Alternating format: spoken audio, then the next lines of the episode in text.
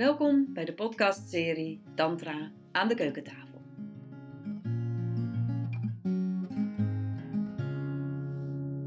Deze podcastaflevering is de opname van een webinar uit juni 2021. En we zijn dat webinar begonnen met een meditatie.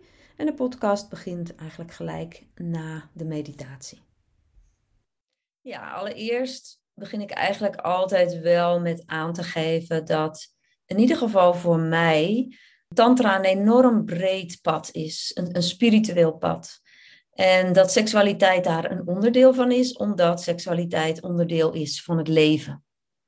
Maar het idee dat uh, alles in Tantra om seks draait, dat komt met name voort eigenlijk vanuit de westerse ontwikkeling van Tantra vanaf ongeveer zo'n 100 jaar geleden in de Neo-Tantra, daar kreeg de seksualiteit eigenlijk vanaf het begin ja, veel aandacht. Dus dat heeft er wel mede voor gezorgd dat veel mensen dat denken. Als je kijkt naar de klassieke Tantra, dan, dan hing het er heel erg van af uh, in welke stroming je zat. De stroming die ik zelf volg, de non-duale Shaiva Tantra, dat is een hele meditatieve vorm die best wel veel weggeeft van het boeddhisme ik zou zeggen boeddhisme met wat meer juiciness en wat meer levendigheid. Maar daarin neemt seksualiteit helemaal geen grote plek in. Er waren andere stromingen um, in het verleden. En dan hebben we het echt wel over 1500 jaar geleden, waarin dat wel zo was. Maar de manier waarin, waarop men daar zeg maar, met seksualiteit omging, daar zal ik een paar voorbeelden van noemen. En het is de vraag of de hedendaagse westerse mens daarop zit te wachten. want een van de uh, tantrische meditaties was dat een mannelijke beoefenaar, en dat was dan vaak iemand uit de hoogste kasten, die moest de liefde bedrijven met iemand uit de laagste kasten, of de zelfs de zonderkasten. Nou, dat zou je misschien hier vergelijken met uh, iemand van adel die, even oneerbiedig gezegd, met een dakloze seks gaat hebben. Een groot verschil in um, sociale context, sociale klasse. Zit daar iemand op te wachten? uh, je kunt je voorstellen dat als, dat als dat nut heeft voor je spirituele pad, dat je dan al behoorlijk wat stappen gezet moet hebben om daar het nut van te zien en daarin daarmee enige groei, zeg maar, te ervaren. Dus dat geeft wel aan dat de manier waarop men toen met seksualiteit omging, ja, toch wel anders is dan, dan wij nu in de hedendaagse, vooral neotantrische workshops bijvoorbeeld.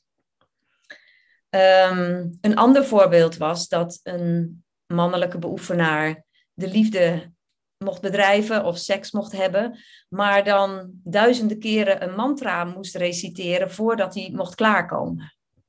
Dat kan uren duren. Nou, daar zitten misschien sommige mensen wel op te wachten. Um, maar ook zeg maar het um, reciteren van een, een, mantra eindeloos lang. Ik zie het niet veel Westelingen doen. En nog weer een ander voorbeeld is dat bepaalde lichaamssappen bij rituelen werden gedronken. Dus een combinatie, onder andere sperma en menstruatiebloed. En dat werd dan ritueel gedronken.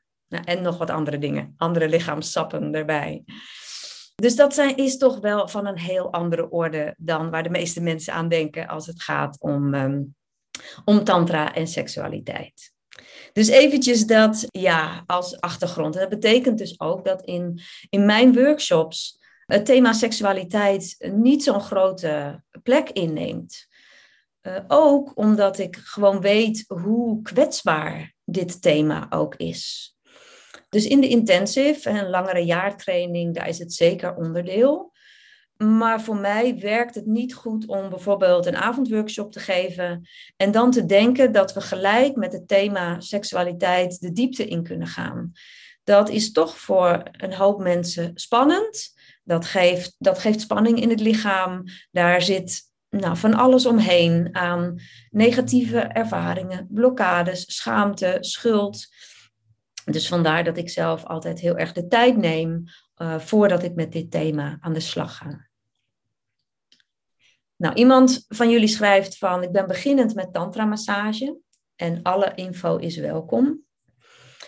ik ervaar zelf best wel een verschil tussen de tantra massagewereld en de tantra meditatiewereld. En dat zal misschien niet iedereen zo zien. Um, er zijn ongetwijfeld mensen die zeggen, ja, maar ik ervaar massage ook als meditatie. En dat hoop ik eerlijk gezegd ook. Maar het is toch wel een, een ander vak. Uh, dus ik geef zelf geen tantra-massages, ook geen tantra-massage-trainingen. Daar zijn andere mensen heel goed in. Wat niet wil zeggen dat er in mijn workshops niet heel veel aanraking zit, maar niet specifiek een massage leren. Dus ik hoop dat je alsnog wel iets aan dit webinar hebt, maar dan weet je in ieder geval dat de focus in mijn verhaal um, ligt daar niet zozeer. He, mijn workshops bestaan uit, uit dans, uit allerlei vormen van meditatie, zowel op jezelf als met een partner samen, als ook soms met de hele groep. Um, rituelen, lichaamswerk en ook aanraking, maar zonder dat dat specifieke, bijvoorbeeld de Tibetaanse tantra massage of de Kashmirische massage, die leer je bij mij uh, niet. Ik denk, en voor mijzelf um, geldt dat eigenlijk ook, toen ik in Tantra stapte, was dat zeker wel vanuit een nieuwsgierigheid naar seksualiteit en wat Tantra op dat gebied uh, te brengen had. Er was ook in mijn leven toen een soort van gevoel van, ja, dit kan het toch niet zijn. Er, er moet meer zijn uh, dan dit. En heel veel mensen komen ook in mijn workshops met dat verlangen. Ook al weten ze dan dat het niet expliciet over seksualiteit gaat vaak. Um, en vaak is het in combinatie met ik wil meer in het lichaam zijn. En dat is natuurlijk wat Tantra enorm te bieden heeft. Dat haalt je uit je hoofd en in je lichaam.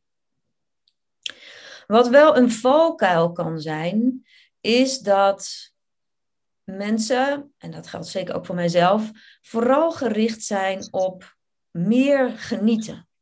Het moet fijner worden. En dat is een heel menselijk verlangen. Ik wil gelukkiger worden. Allemaal denk ik dat we dat verlangen in ons hebben. En toch gaat het spirituele pad niet per se daarover. Het spirituele pad gaat over het afpellen van alle laagjes van het ego en de persoonlijkheid die we allemaal opgebouwd hebben, de, de, de maskers om ons heen, de zelfbeelden die we hebben opgebouwd, terug naar de bron, terug naar de essentie, naar je ware kern. En in die ware kern, in die essentie, zit een enorm gevoel van acceptatie naar alles wat is. En voor de lange termijn zou ik kunnen zeggen dat werkt wel beter. Want als je alleen maar bezig bent met ik wil genieten van fijne dingen. Ik wil genieten van fijne seks. En dus moet de seks daar en daar aan voldoen.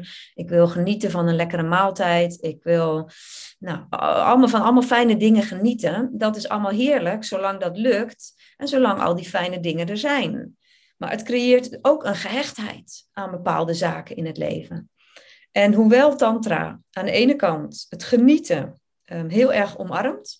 En voor sommige mensen die heel snel de zwaarte ingaan is een heel erg focus op genieten um, ook heel erg mooi en, en leerzaam. Maar alleen maar bezig gaan met het moet fijner, het moet beter, um, is, is sowieso een bezig zijn in de toekomst in plaats van in het hier en nu. Dus dat is eigenlijk al een soort eerste tantrische inzicht. Van waar ben ik mee bezig? En er zitten enorm veel paradoxen in Tantra. Dus ook hier zit een ah. paradox. Dus dingen kunnen samengaan, ook al denk je van ja, die zijn toch tegengesteld. Dus aan de ene kant een verlangen hebben om te groeien en ergens ook je leven beter te maken. En tegelijkertijd ook enorm kunnen rusten in dat wat is. Ook als de seksualiteit in je leven op dit moment niet is zoals je die zou willen. Of dat er helemaal geen seksuele beleving op dit moment is. Of misschien zelfs als er een verslaving zit. Nou, dus dat is zeg maar waar het spirituele pad je wel enorm toe uitnodigt. Om precies te zijn met, met dat wat er is. Ja, een ander inzicht wat ik mee zou willen geven is dat we met z'n allen de neiging hebben om een indeling te maken tussen het gewone leven, waar geen seks is en ook geen seks hoort te zijn, hebben we dan een soort van met z'n allen afgesproken. En dan is er de slaapkamer of iets wat daarop lijkt. Um, ook andere plekken kunnen natuurlijk. En daar is het dan ineens uh, wel toegestaan. En daar moet het dan ook gelijk een bepaalde um, vorm hebben. Dus een soort tweedeling. Terwijl mijn ervaring is dat alles wat je doet in Tantra, de dans, het lichaamswerk, het ademwerk, de meditatie, de massages, de aanraking, het heeft allemaal bijna per definitie invloed op je seksuele beleving. En in mijn ogen heeft het dus ook niet zoveel zin dat als je je seksuele beleving wilt veranderen, om dan maar alleen maar te focussen op de momenten dat je aan seks doet. Of dat nou met jezelf is of met een ander. Tantra is een holistische visie. Dus je kunt nooit zeg maar één stap, één dingetje eruit halen en dan ga ik daar heel veel werk doen. En dan ondertussen heb ik nog allerlei verslavingen, eet ik ongelooflijk ongezond, neem ik totaal geen rust of ontspanning in mijn leven, maak ik alleen maar ruzie met een partner als ik die heb, et cetera, et cetera. Dat kan nooit zo werken. Dus je moet tantra ook echt wel zien als een holistische visie, waar je op allerlei vlakken bezig bent met meer balans krijgen, meer naar binnen gaan, meer naar de ontspanning gaan, meer bevrijding opzoeken. dat, dat kan, bij wijze van spreken, doet iemand een keer een stembevrijdingsworkshop, waarin er enorm gezongen wordt en geluid gemaakt. En in, iemand gaat helemaal door allerlei blokkades heen van geluid mogen maken, de keelchakra. En dat kan een enorme invloed hebben op je beleving van seksualiteit. Daar waar je misschien altijd doodstil was of alles inhield aan geluid, durf je nu ineens wel geluid te maken. En gaat ineens je energie meer stromen. Ja, dus dat is een ander inzicht dat ik mee wil geven van zie het totaalplaatje en ga niet op één um, aspect uh, focussen. En zelfs zou ik misschien zo willen doortrekken dat je in de seks in eerste instantie helemaal niets hoeft te veranderen. Als je, als je verlangt naar iets anders, ga dan vooral eerst in je dagelijks leven kijken. En het aller, allerbelangrijkste, en daar gaat ook de meditatie over van zometeen, is ontspanning. We zijn allemaal voortgekomen uit seksuele energie. En we zijn eigenlijk allemaal levensenergie, seksuele energie. En als we maar diep, diep, diep leren ontspannen en tegelijkertijd aanwezig zijn, dus niet ontspannen in de zin van, oh, ik ga lekker in slaap vallen, hoewel dat ook lekker is, dan gaat de energie vanzelf stromen. Misschien met behulp van een paar sleutels, dieper ademen, bewegen, geluid maken. Maar de ontspanning staat bovenaan. En ik denk dat de meeste mensen zich niet bewust zijn van het feit hoeveel gespannen ze zijn. Gespannen in het hoofd, uh, aanwezig in het hoofd, heel veel aan het denken, alles willen beredeneren. Maar ook in het lichaam natuurlijk. En ik, voor mij heeft dat ook echt jaren geduurd voordat ik dat kon voelen. Dan dacht ik van, nou, nou, nou weet ik wel hoe ik kan ontspannen. En dan had ik misschien een retreat gedaan of een, een hele lange massage ontvangen. En dan dacht ik, nee, nu, nu weet ik pas hoe het echt is om heel diep te ontspannen. En ik heb echt al heel vaak ervaren dat ehm, ook om, om bijvoorbeeld zin te krijgen. Natuurlijk, daar, heb je alvast allemaal al je trucjes voor geleerd. En ik heb gewoon ontdekt dat een hele diepe massage, dat opent mijn lichaam. En dan gaat de energie vanzelf stromen na heel wat jaren tantra. Hè? Dus dat ging niet van de een op de andere dag. Dat is een ander uh, punt. Tijd, tijd, tijd. Het hele tantrapad is een lang pad, is een levenslang pad.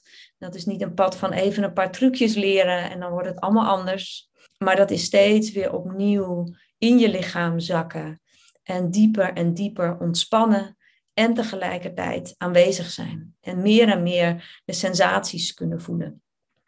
En dan kun je uiteindelijk heel veel energie voelen stromen, zonder dat je per se opgewonden bent, zoals je dat kent, ehm, ja, vanuit misschien de, de reguliere beleving van seksualiteit, zoals de meeste mensen dat opbouwen. Er zijn natuurlijk ook mensen die als kind enorm ontspannen zijn en dat blijven. Maar de meeste mensen bouwen ergens minimaal in de puberteit um, spanning op. In allerlei vormen in het lichaam. Waardoor ze minder gaan voelen. En dat is soms lekker. Uh, om bijvoorbeeld verdriet niet meer zo te voelen. Maar als het gaat om, om diepe seksuele, seksuele energie, is dat ook ontzettend jammer. En het kan ook dat mensen het maar op een hele specifieke manier kunnen ervaren. Bijvoorbeeld in combinatie met porno, in combinatie met fantasie. Wat ook allemaal kan in Tantra en wat ongetwijfeld heel fijn kan zijn, maar er is wel veel meer. En meer terwijl je daar meer, steeds minder van buitenaf voor nodig hebt. Um, een vraag gaat over, de seksu- uh, over fantasie. Ik merk zelf veel fantasie over seksualiteit op het moment. Best leuk. Misschien is daar iets over te zeggen. Kijk, Tantra wijst niets af. En tegelijkertijd is het mooi om je bewustzijn erbij te hebben. En door het stellen van deze vraag blijkt al dat je er bewustzijn op hebt. Voor heel veel mensen zijn fantasieën een, een bron van vreugde en plezier. Voor sommige mensen zit er ook heel veel schaamte op dan is het lekker als dat er op een gegeven moment af mag gaan. Dat kan soms in een tantra-workshop gebeuren. Dat je daar dingen mee doet, dat je daarmee speelt. En dat je daarna denkt, oh oké, eerst zat er een lading op. Ik dacht dat ik de enige was, of dit of dat. En dat is er vanaf. Een fantasie is niet in het hier en nu. Je, je spreekt het hoofd aan. Nogmaals, dat kan heerlijk zijn. En er is meer. Uiteindelijk is het hoofd niet meer nodig. Is ook de fantasie niet meer nodig om je energie te laten stromen. Dus ik zou zeggen, als je daar gewoon met plezier mee bezig bent, zonder dat daar een dikke lading op zit. En je kunt ook zonder, ehm, dan zou ik zeggen, ga vooral daarmee door. Als je op een gegeven moment merkt van ja, maar dit is de enige manier waarop mijn energie kan gaan stromen, dan kun je nieuwsgierig worden van hé, hey, welke andere manieren zijn er? misschien ook manieren waarbij ik meer in het hier en nu ehm, ben en dus ook minder afhankelijk van iets word. Want iedere afhankelijkheid, ja, nou ja, we hebben ze allemaal. Um, maar dat zorgt ook voor lijden, in zekere zin, met een lange ei. Dus als je daar ook weer los van kan komen, dat er geen afhankelijkheid is of geen verslaving, dan geeft dat natuurlijk ook een vorm van bevrijding in jezelf. Tantra heeft allerlei kanten dat je van tevoren niet weet wat er komt. Ja, wat ik hier zelf uit lees, en ik weet niet helemaal of jij het zo bedoelt, is dat het prachtig is dat je met Tantra kunt oefenen in open in een seksuele ervaring stappen.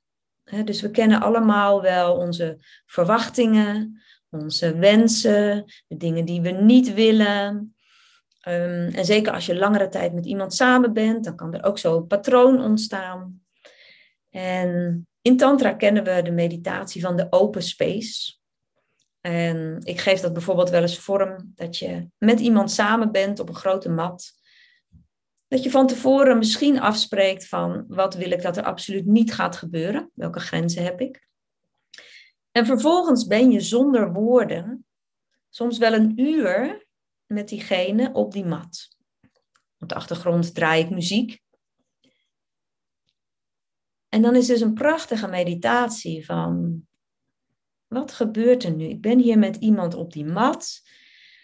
En ik denk nu, oh, moet ik nu iets gaan doen? Oh nee, ze had gezegd, ik hoef niks te doen. Ik kan even lekker gaan liggen. Ik kan gaan wachten tot er een impuls komt. En dan kan ik die impuls volgen. Ik probeer ook in te tunen op de ander.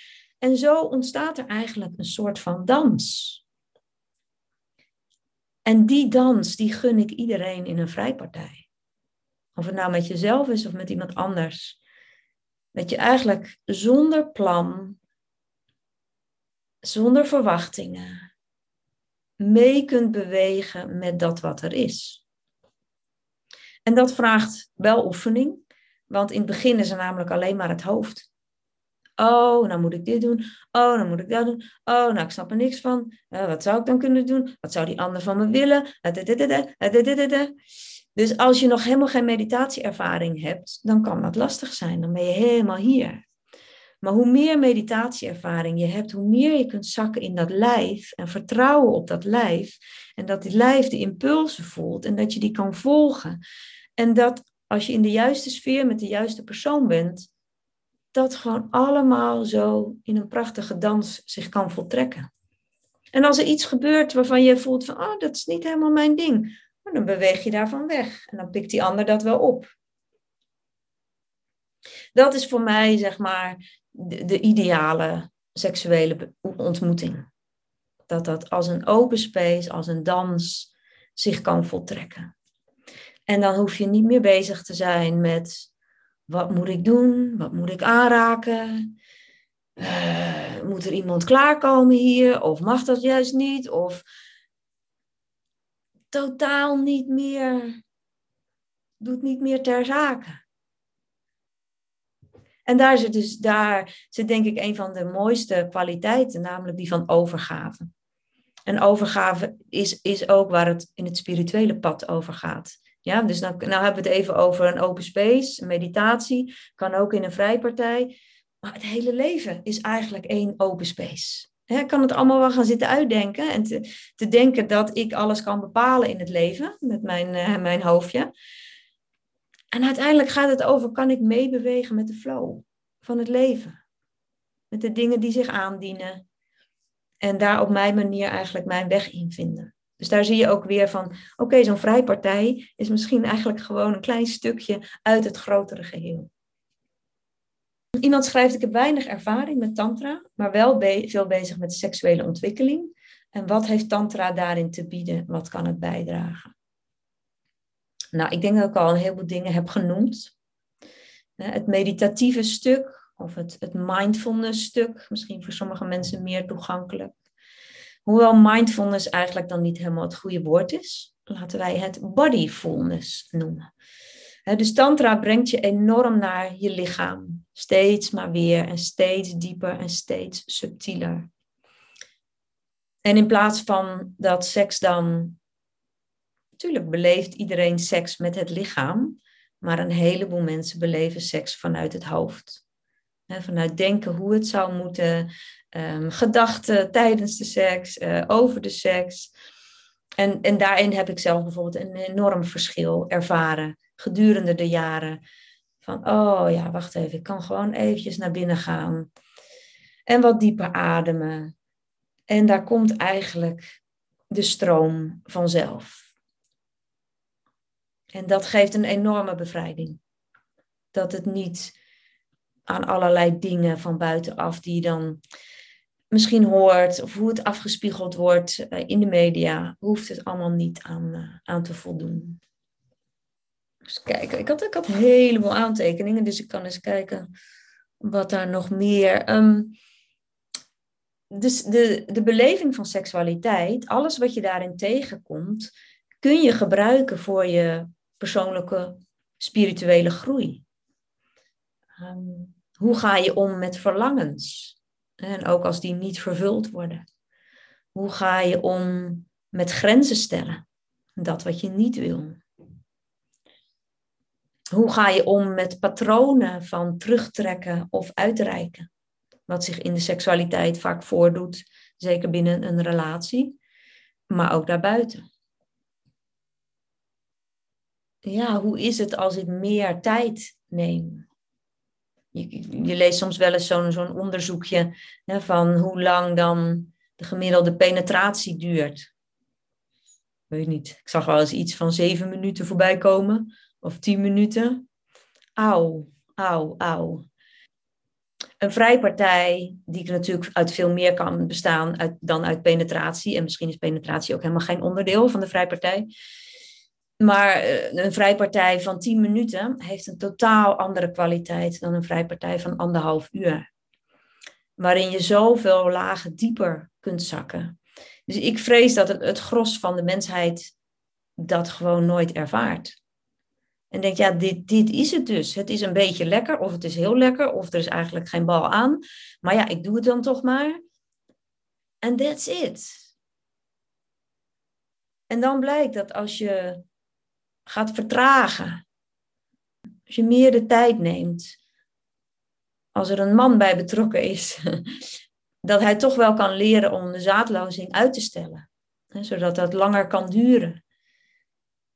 Als je ervaring hebt met meditatie, als je misschien meditaties kent, wij doen in workshops meditaties gewoon met kleren aan, waarbij we bijvoorbeeld de energie door de chakra's heen brengen. Als je dat tijdens het vrije doet, krijg je een andere beleving.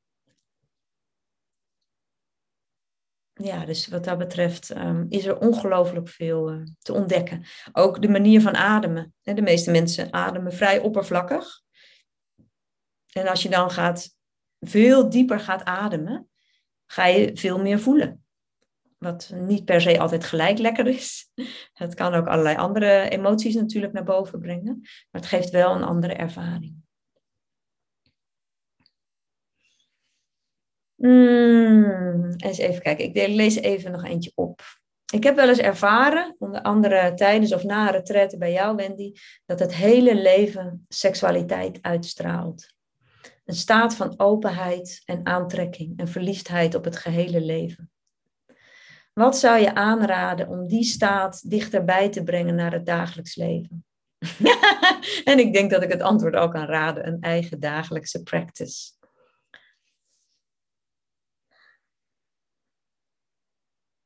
Ja, nou ja, retraites zijn fantastisch. Omdat je daarmee een bepaald een aantal dagen met een groep in een bubbel bent. En dat betekent dat de energie vrij hoog kan worden. en dat is waarschijnlijk onder andere wat je met deze ervaring bedoelt. Het is een vrij hoge, intense energie. Ik denk bijna iedereen ervaart dat dat daarna ook weer rustiger wordt. Ehm, en de vraag is dus of dat erg is. Um, want het, het, het, een tantrika heeft een diepe rust in zichzelf, maar is tegelijkertijd heel levendig. Ik denk dat het zoeken is naar een balans. En dat in retreats, als je dit ervaren hebt, de balans misschien iets te veel naar boven gaat. En dat het gebalanceerd mag worden met tegelijkertijd een hele diepe, rustige kern. En ja, de dagelijkse practice helpt daarbij. Een goed onderscheid is misschien nog om je te beseffen dat er verschillende soorten bliss zijn. Er is de bliss van de body-mind, van ons dagelijks omhulsel hier. En die kan zeker heel intens zijn, bijvoorbeeld na een retreat of een, een bepaalde meditatie. De bliss van essence nature, van je essentie, is van een veel zachtere aard, maar net zo waardevol. Dus soms is het ook iets minder mogen zoeken naar die hele intense staat van zijn, die ook zalig is. Ehm, maar wat niet het enige ideaal is, zal ik maar zeggen. Dus misschien mag je het nog meer zoeken in, in ook de subtielere bliss. En die blijft. Die kan altijd blijven, ongeacht de situatie. Dus zelfs al nou, gebeuren er dingen die helemaal niet fijn zijn, die zachte bliss van essence nature, van je kern, die kan altijd blijven. Die meer intensere bliss is waarschijnlijk meer afhankelijk van de omstandigheden.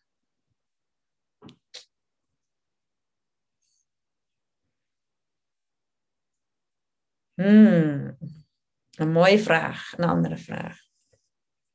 Hoe kun je een partner helpen om in het hier en nu te komen als je merkt dat diegene in het hoofd zit?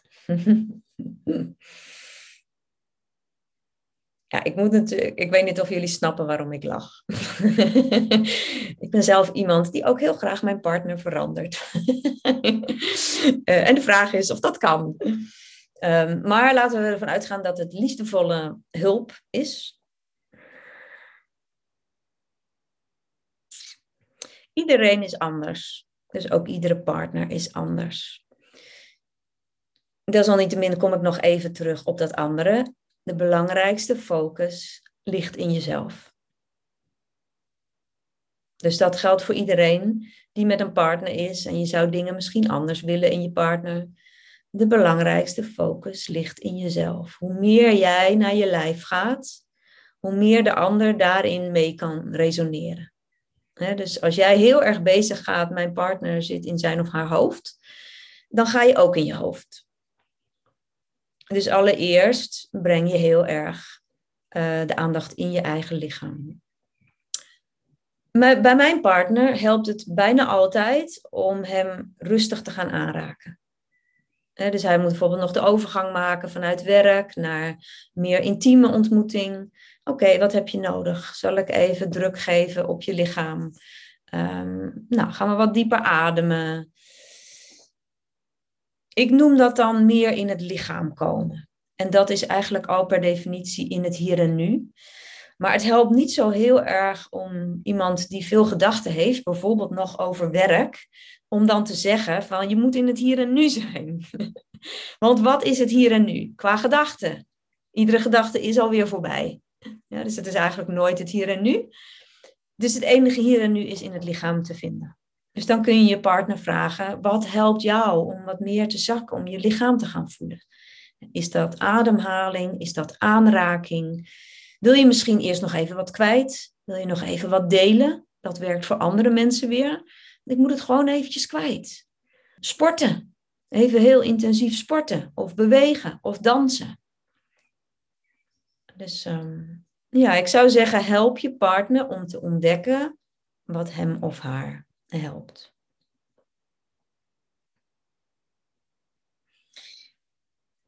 Nou, we zijn een heel eind. Dit zijn volgens mij alle vragen. Behalve dan dat ik er nog eentje online had. Uh, ja, via de mail. En deze persoon schrijft: Seksualiteit is slechts een klein onderdeel binnen de Tantra-leer. Dit is iemand die ervaring heeft in Tantra. Vele mensen, veel mensen voelen sensuele of seksuele energie ontstaan bij lichaamsoefeningen, zowel individueel als in verbinding met anderen. Wanneer is de balans verstoord? Als iemand de seksuele energie hoger in het vaandel heeft dan de leer in de tantra-geest. Of waar eindigt tantra en begint seks? Dus wat nou als je eigenlijk meer seks wil dan tantra. Zo vertaal ik hem even. Dan zou ik zeggen, geniet van die seks. En hier spreekt iemand dus ook weer over anderen. en het is toch vooral ook om te kijken, hoe sta jij er zelf in? Ja, dus voor mij is het zo, voor mij is het spirituele pad heel belangrijk seksualiteit is fantastisch, dat het een onderdeel ervan mag zijn, dat ik dat niet opzij hoef te schuiven om, om toch het spirituele pad te bewandelen. Maar ja, wie ben ik om anderen daarover te, te, te veroordelen? dus iedereen kan dat ook anders zien. En bijvoorbeeld in de tantra-massages ehm, wordt wel heel expliciet ook de, de seksuele energie uitgenodigd. Hè? En ook extra gestimuleerd. Mm, oké, als iemand dan vervolgens denkt van oké, en dan gaan we nu naar seks beleven met mijn masseur. Uh, ja, dat is wellicht lastig, want die verwachting heeft dan lang niet iedereen als je dat in een masseur-cliënt verhouding doet. um,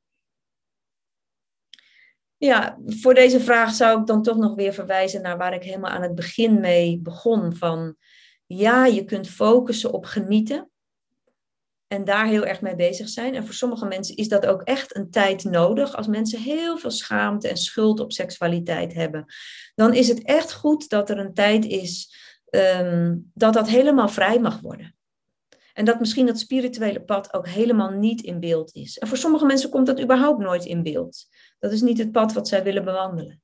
En voor anderen, als je dat spirituele pad wel gaat bewandelen, dan ontdek je vanzelf dat niet alles over seks gaat en niet alles om seks draait. En dat het zelfs zo kan zijn dat je minder behoefte eraan krijgt.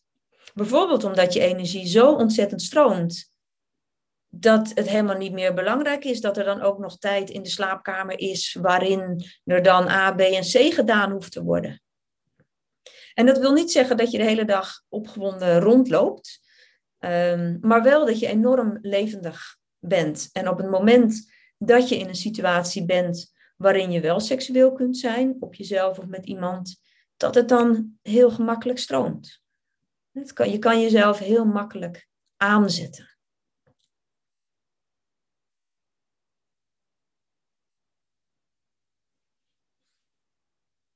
Hmm. Ja, en dezegene had nog een andere vraag, maar daar was ik ook vrij kort in mijn antwoord, geloof ik, op. Verder probeer ik in mijn liefdesrelatie te achterhalen wanneer eindigt sensualiteit en wanneer begint seks. En deze persoon is niet uh, in, in het webinar, maar gaat ongetwijfeld de, de podcast nog luisteren. Maar bij zo'n vraag denk ik, waarom wil je dit weten? wanneer is iets sensualiteit en wanneer is het seksualiteit? Wat fuck maakt het uit? Dit zijn maar concepten, dit zijn woorden. Dus misschien bedoelde hij de vraag anders. Maar dan zou ik hem echt één op één moeten horen en doorvragen. Want ja, weet je, als we, als we op het niveau van woorden gaan zitten, dat zijn allemaal concepten. En dat is niet de beleving van het lichaam. Dus, dus in die zin ik, kan ik niet zo heel veel antwoord uh, op die vraag geven. Nou, ik vind ook eigenlijk dat het meer dan voldoende woorden zijn. Dus ik weet niet of er nog een dringende laatste vraag is. Ik heb natuurlijk nog lang niet alles beantwoord. We kunnen hier nog uh, eindeloos op doorgaan. Maar onthoud vooral ook dat, dat tantra vooral ook iets is wat je gewoon moet beleven. En je kan er eindeloos over praten. Maar het is ook echt iets wat het lichaam mag gaan ervaren. Dus laten we dat gaan doen. Ik neem jullie mee in ongeveer een kwartier. Een hele relaxte uh, meditatie. Je hoeft niet in beeld te liggen. Ik vind het wel leuk als je er helemaal bij blijft. Um, als je met z'n tweeën bent, laat dan de ander even los. Laat ieder van jullie even de eigen ervaring hebben. En dan daarna kunnen jullie lekker ja, uitwisselen hoe het was. En de anderen zijn, zoals ik het kan zien, allemaal alleen. Dus kijk even of je een plek hebt waar je mij kunt horen en waar je lekker kunt liggen. Dus een vloerkleed of een yogamatje of nou, eventueel een bank als die niet heel zacht is. En dan ga je lekker op je rug liggen.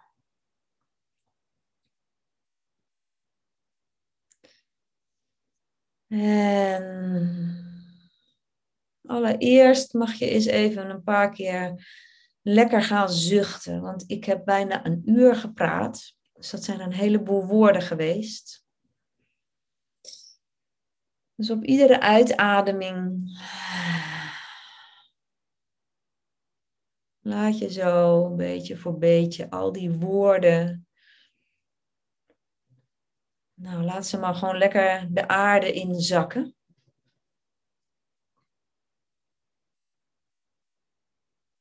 Je hoeft niks meer te onthouden.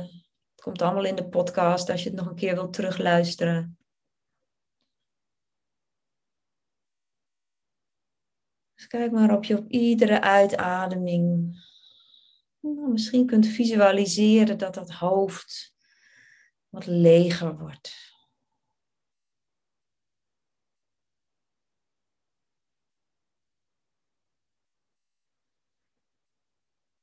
En dat kan ook echt helpen. En voor de meeste mensen in het begin in Tantra, daar voelen ze dan een blokkade op, maar om echt met een zucht uit te ademen. Dus in.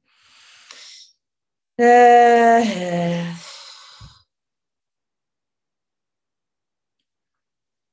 Misschien is er toch in het luisteren over dit thema wat spanning geweest in je lichaam. Iedere uitademing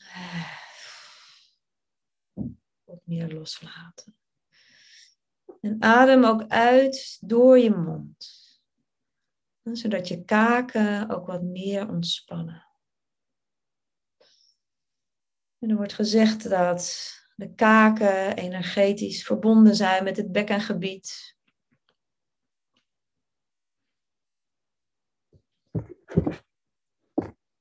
En als je dus die kaken ontspant. Bekkengebied. Uh, Anjo, je bent een uur te laat in dit webinar. Dat is niet erg, maar je mag lekker gaan liggen, want we zijn nu bij de meditatie. dus iedereen is uit beeld en ligt lekker. Dus we zijn nu met een ontspanning bezig. En dan kijk je of je je ademhaling ook wat kunt vertragen.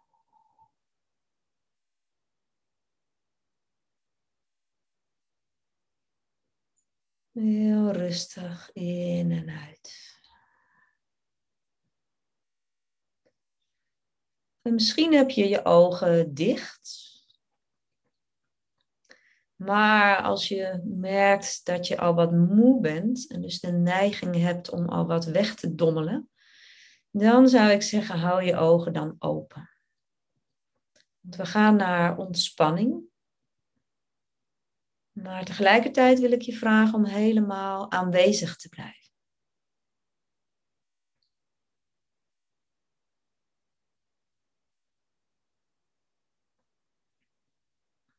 En wat we zo gaan doen is een deel van het lichaam op de inademing helemaal aanspannen.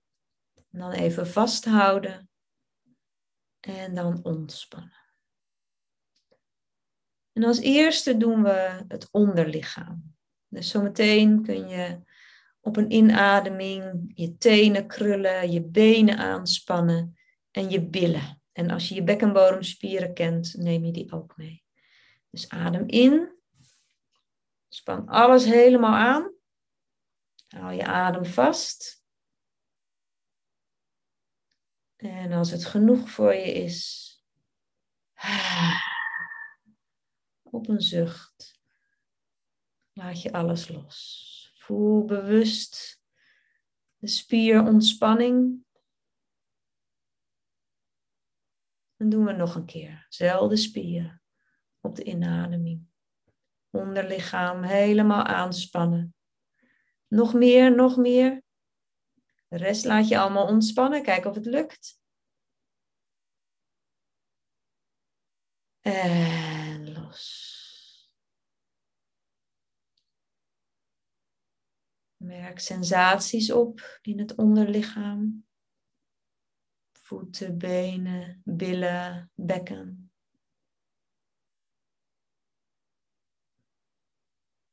En nog een laatste keer. Dit deel van je lichaam.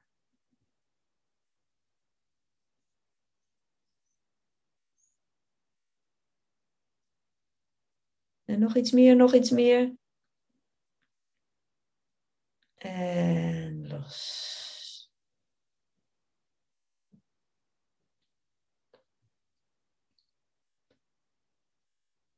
En dan gaan we naar de romp. De volgende inademing. Handen tot vuisten, armen, buik. Kijk of je gezicht toch ontspannen kan blijven.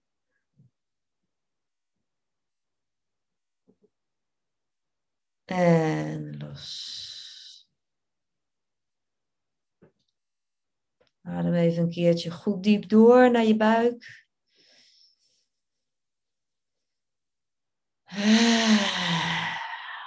En doen we het nog een keer. Alles in de romp, als de billen meegaan, is goed natuurlijk. Vooral ook de handen, de armen, misschien je schouders, schouderbladen. En los.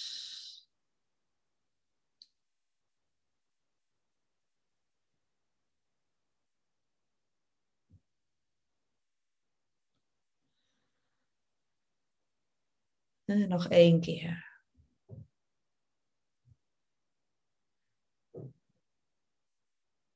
Nou, nog even vast. Nog iets steviger. En op een hele luide zucht uit.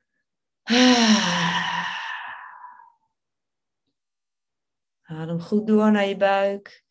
Laat de buik wat uitzetten.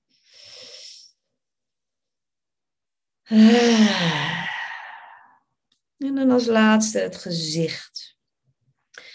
Dus je knijpt je ogen fijn, je zet je tanden, je kiezen op elkaar. Het gezicht heeft heel veel spieren. Knijp ze allemaal samen. En los. En nog een keer.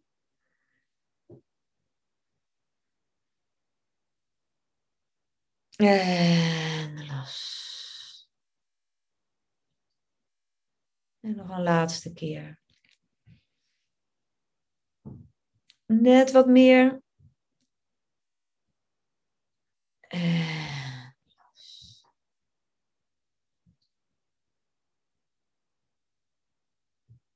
En adem diep en traag.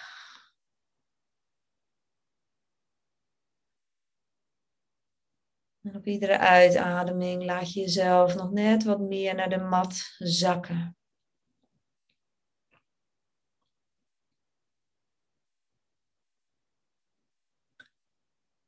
En besteed geen aandacht aan eventuele gedachten over de oefening, over straks, over weet ik het wat. Kijk of je zoveel mogelijk bij de sensaties in je lichaam kunt zijn. Misschien valt je een gebied op wat nog steeds wat gespannen voelt, dan ben je natuurlijk vrij om dat nog even extra aan te spannen. En daarna juist weer lekker los te laten.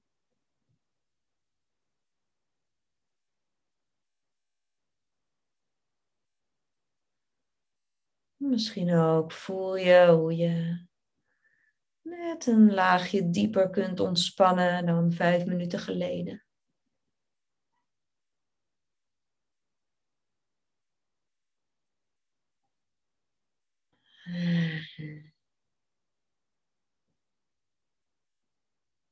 En in een retreat of een workshop zouden we hier natuurlijk nog veel langer de tijd voor kunnen nemen.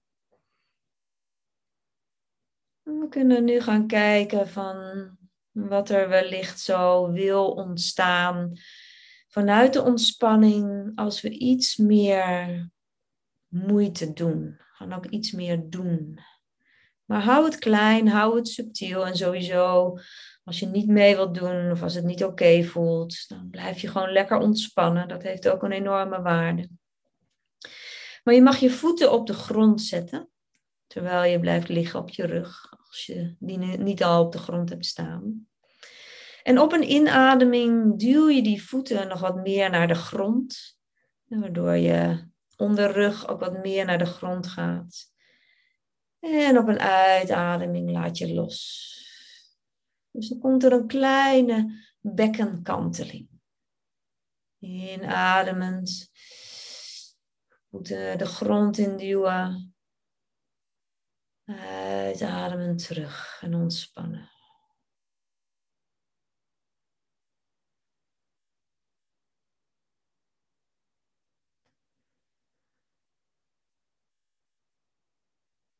Adem door je mond. En dan heb je vaak net je kaken wat meer ontspannen.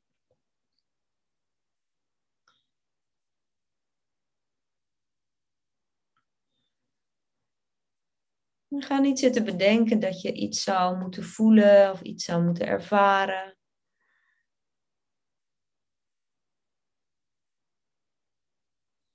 Misschien ben je nog helemaal niet gewend om je aandacht in je lichaam te hebben.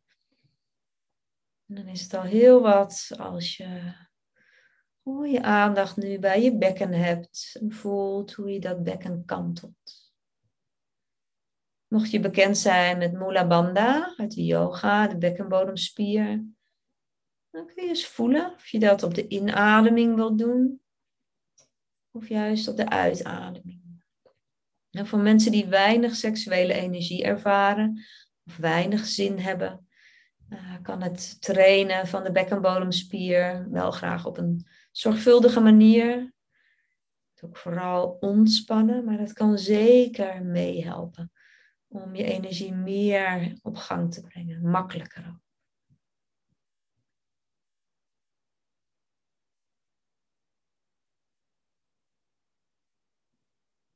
En het volgende onderdeel, dat is een beetje afhankelijk of je dat kunt doen van je ondergrond. Dus op de inademing breng je je bekken wat omhoog, de lucht in. Je voeten naar, nog meer naar de grond. En op de uitademing laat je dat bekken vallen. Als je geen schaamte hebt op geluid maken, dan kun je dus op de uitademing, terwijl je dat bekken laat vallen. Nou, moet voelen, een yogamatje kan vrij hard zijn, dan doe je dat heel zacht. Als je op een hele zachte bank ligt, dan voel je waarschijnlijk geen effect. Maar dit is ook een uh, manier om je seksuele energie uh, meer te laten stromen.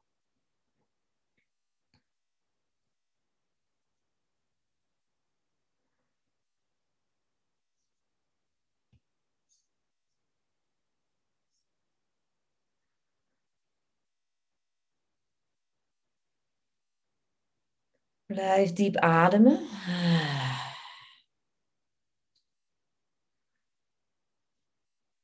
En als dit voor jou genoeg voelt, dan laat je die bekkenbons weer achterwege. Ga je weer over op wat we net deden, eigenlijk een hele zachte bekkenkanteling. Voor de een werkt de zachtheid, voor de ander daar werkt wat meer stevigheid, wat meer yang-energie. Zo moet je ook zelf ontdekken van wat past bij mij.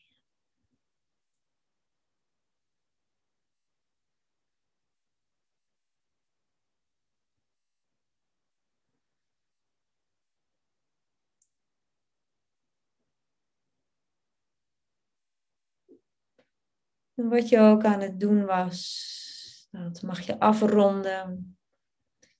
En dan mag je je voetzolen tegen elkaar leggen, zodat je benen, je knieën naar buiten vallen. En dan ga je een, een vlinderachtige beweging met je benen maken. Sommige mensen kennen dit uit de TRE. En dan is het meer een trilling. Als dat gelijk gebeurt, mag je dat ook gebruiken. Maar anders dan vlinder je een beetje. om de spieren, de binnenkant van je bovenbenen, je liezen, ook wat meer te laten ontspannen. Zonder dat we het doorhebben, is dat vaak allemaal meer aangespannen dan we doorhebben.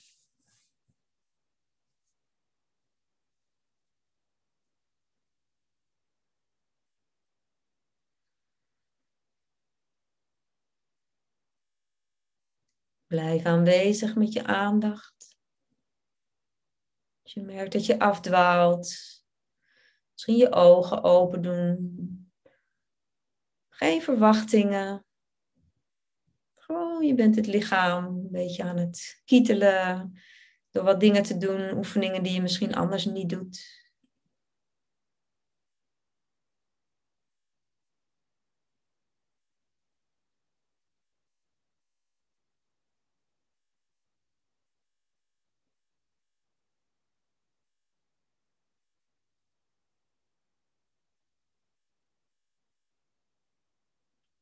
En dan rond je ook dit weer af. En als laatste mag je je benen recht de lucht insteken. Met je voeten uh, horizontaal, alsof je op het plafond staat. Dus je tenen zoveel mogelijk naar je neus. En dan strek je die benen zoveel mogelijk op. Uh, en Voel maar of daar misschien een trilling wil ontstaan. En zo niet, dan mag je dat een klein beetje faken. Dus dat we even de spanning in de hamstrings, de achterkant van de benen, even flink opvoeren. Ook dit, al die spieren die lopen door naar je bekkengebied, naar je geslacht. Ehm, dus dat kan ja, een, een ander soort activatie geven dan je misschien gewend bent. Kan dat het pijn gaat doen? En dan kijk je of je het nog heel even kan volhouden. Adem goed door. Maak geluid als het pittig is.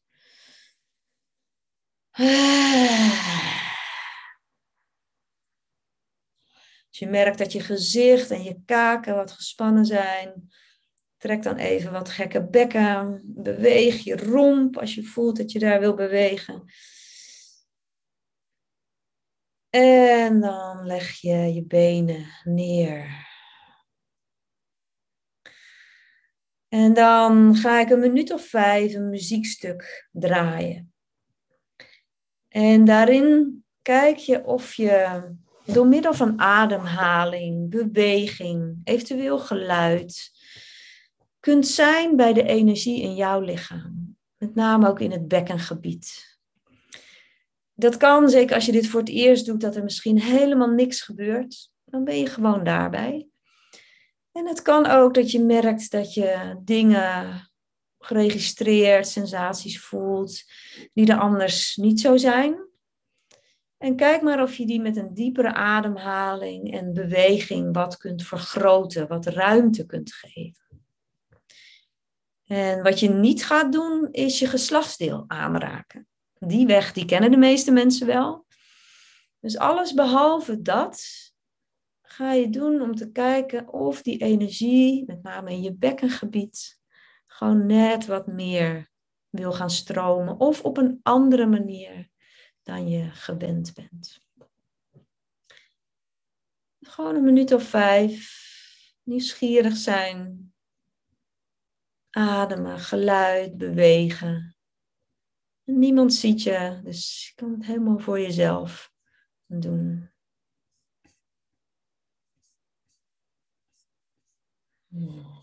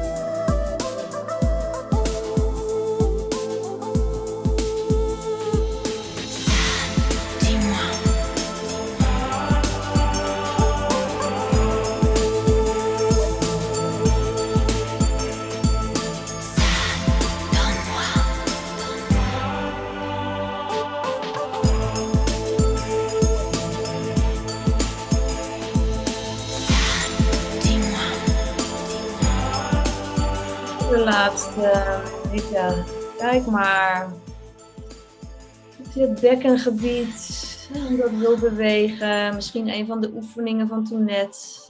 Bekkenkanteling of draaien van je bekken of de bekkenbons.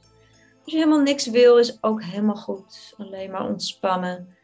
Kijk maar wat bij jou past. Een paar minuutjes.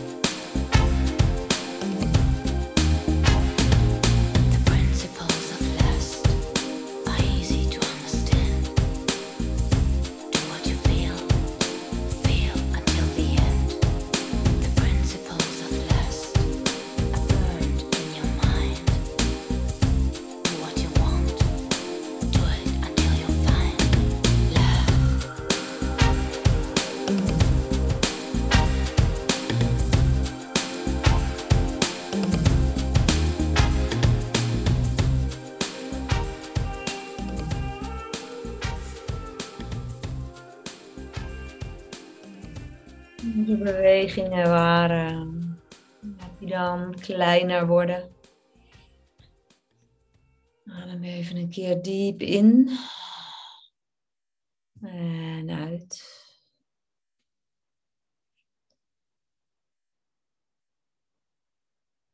En kijk of je terug kunt gaan naar de ontspanning.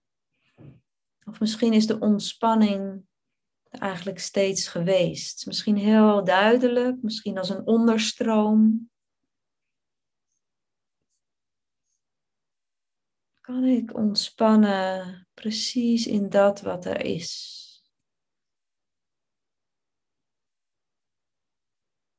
Voor sommigen van jullie was zo'n korte oefening als dit misschien heel makkelijk toegankelijk. Zeker als je al veel in tantra hebt gedaan dan kan je het bij spreken zo aanzetten. Maar het kan ook dat je juist opmerkt hoe weinig je voelt in je lijf. Of dat er verdriet naar boven komt, een, gemis. Of aan iets proeven wat je, waarvan je nu pas realiseert dat je het hebt gemist. Of niet eerder hebt ontdekt. En allerlei andere opties die er natuurlijk zijn van wat er nu in jou is. Kijk maar of dat gewoon helemaal er kan zijn. Zonder dat er iets anders moet.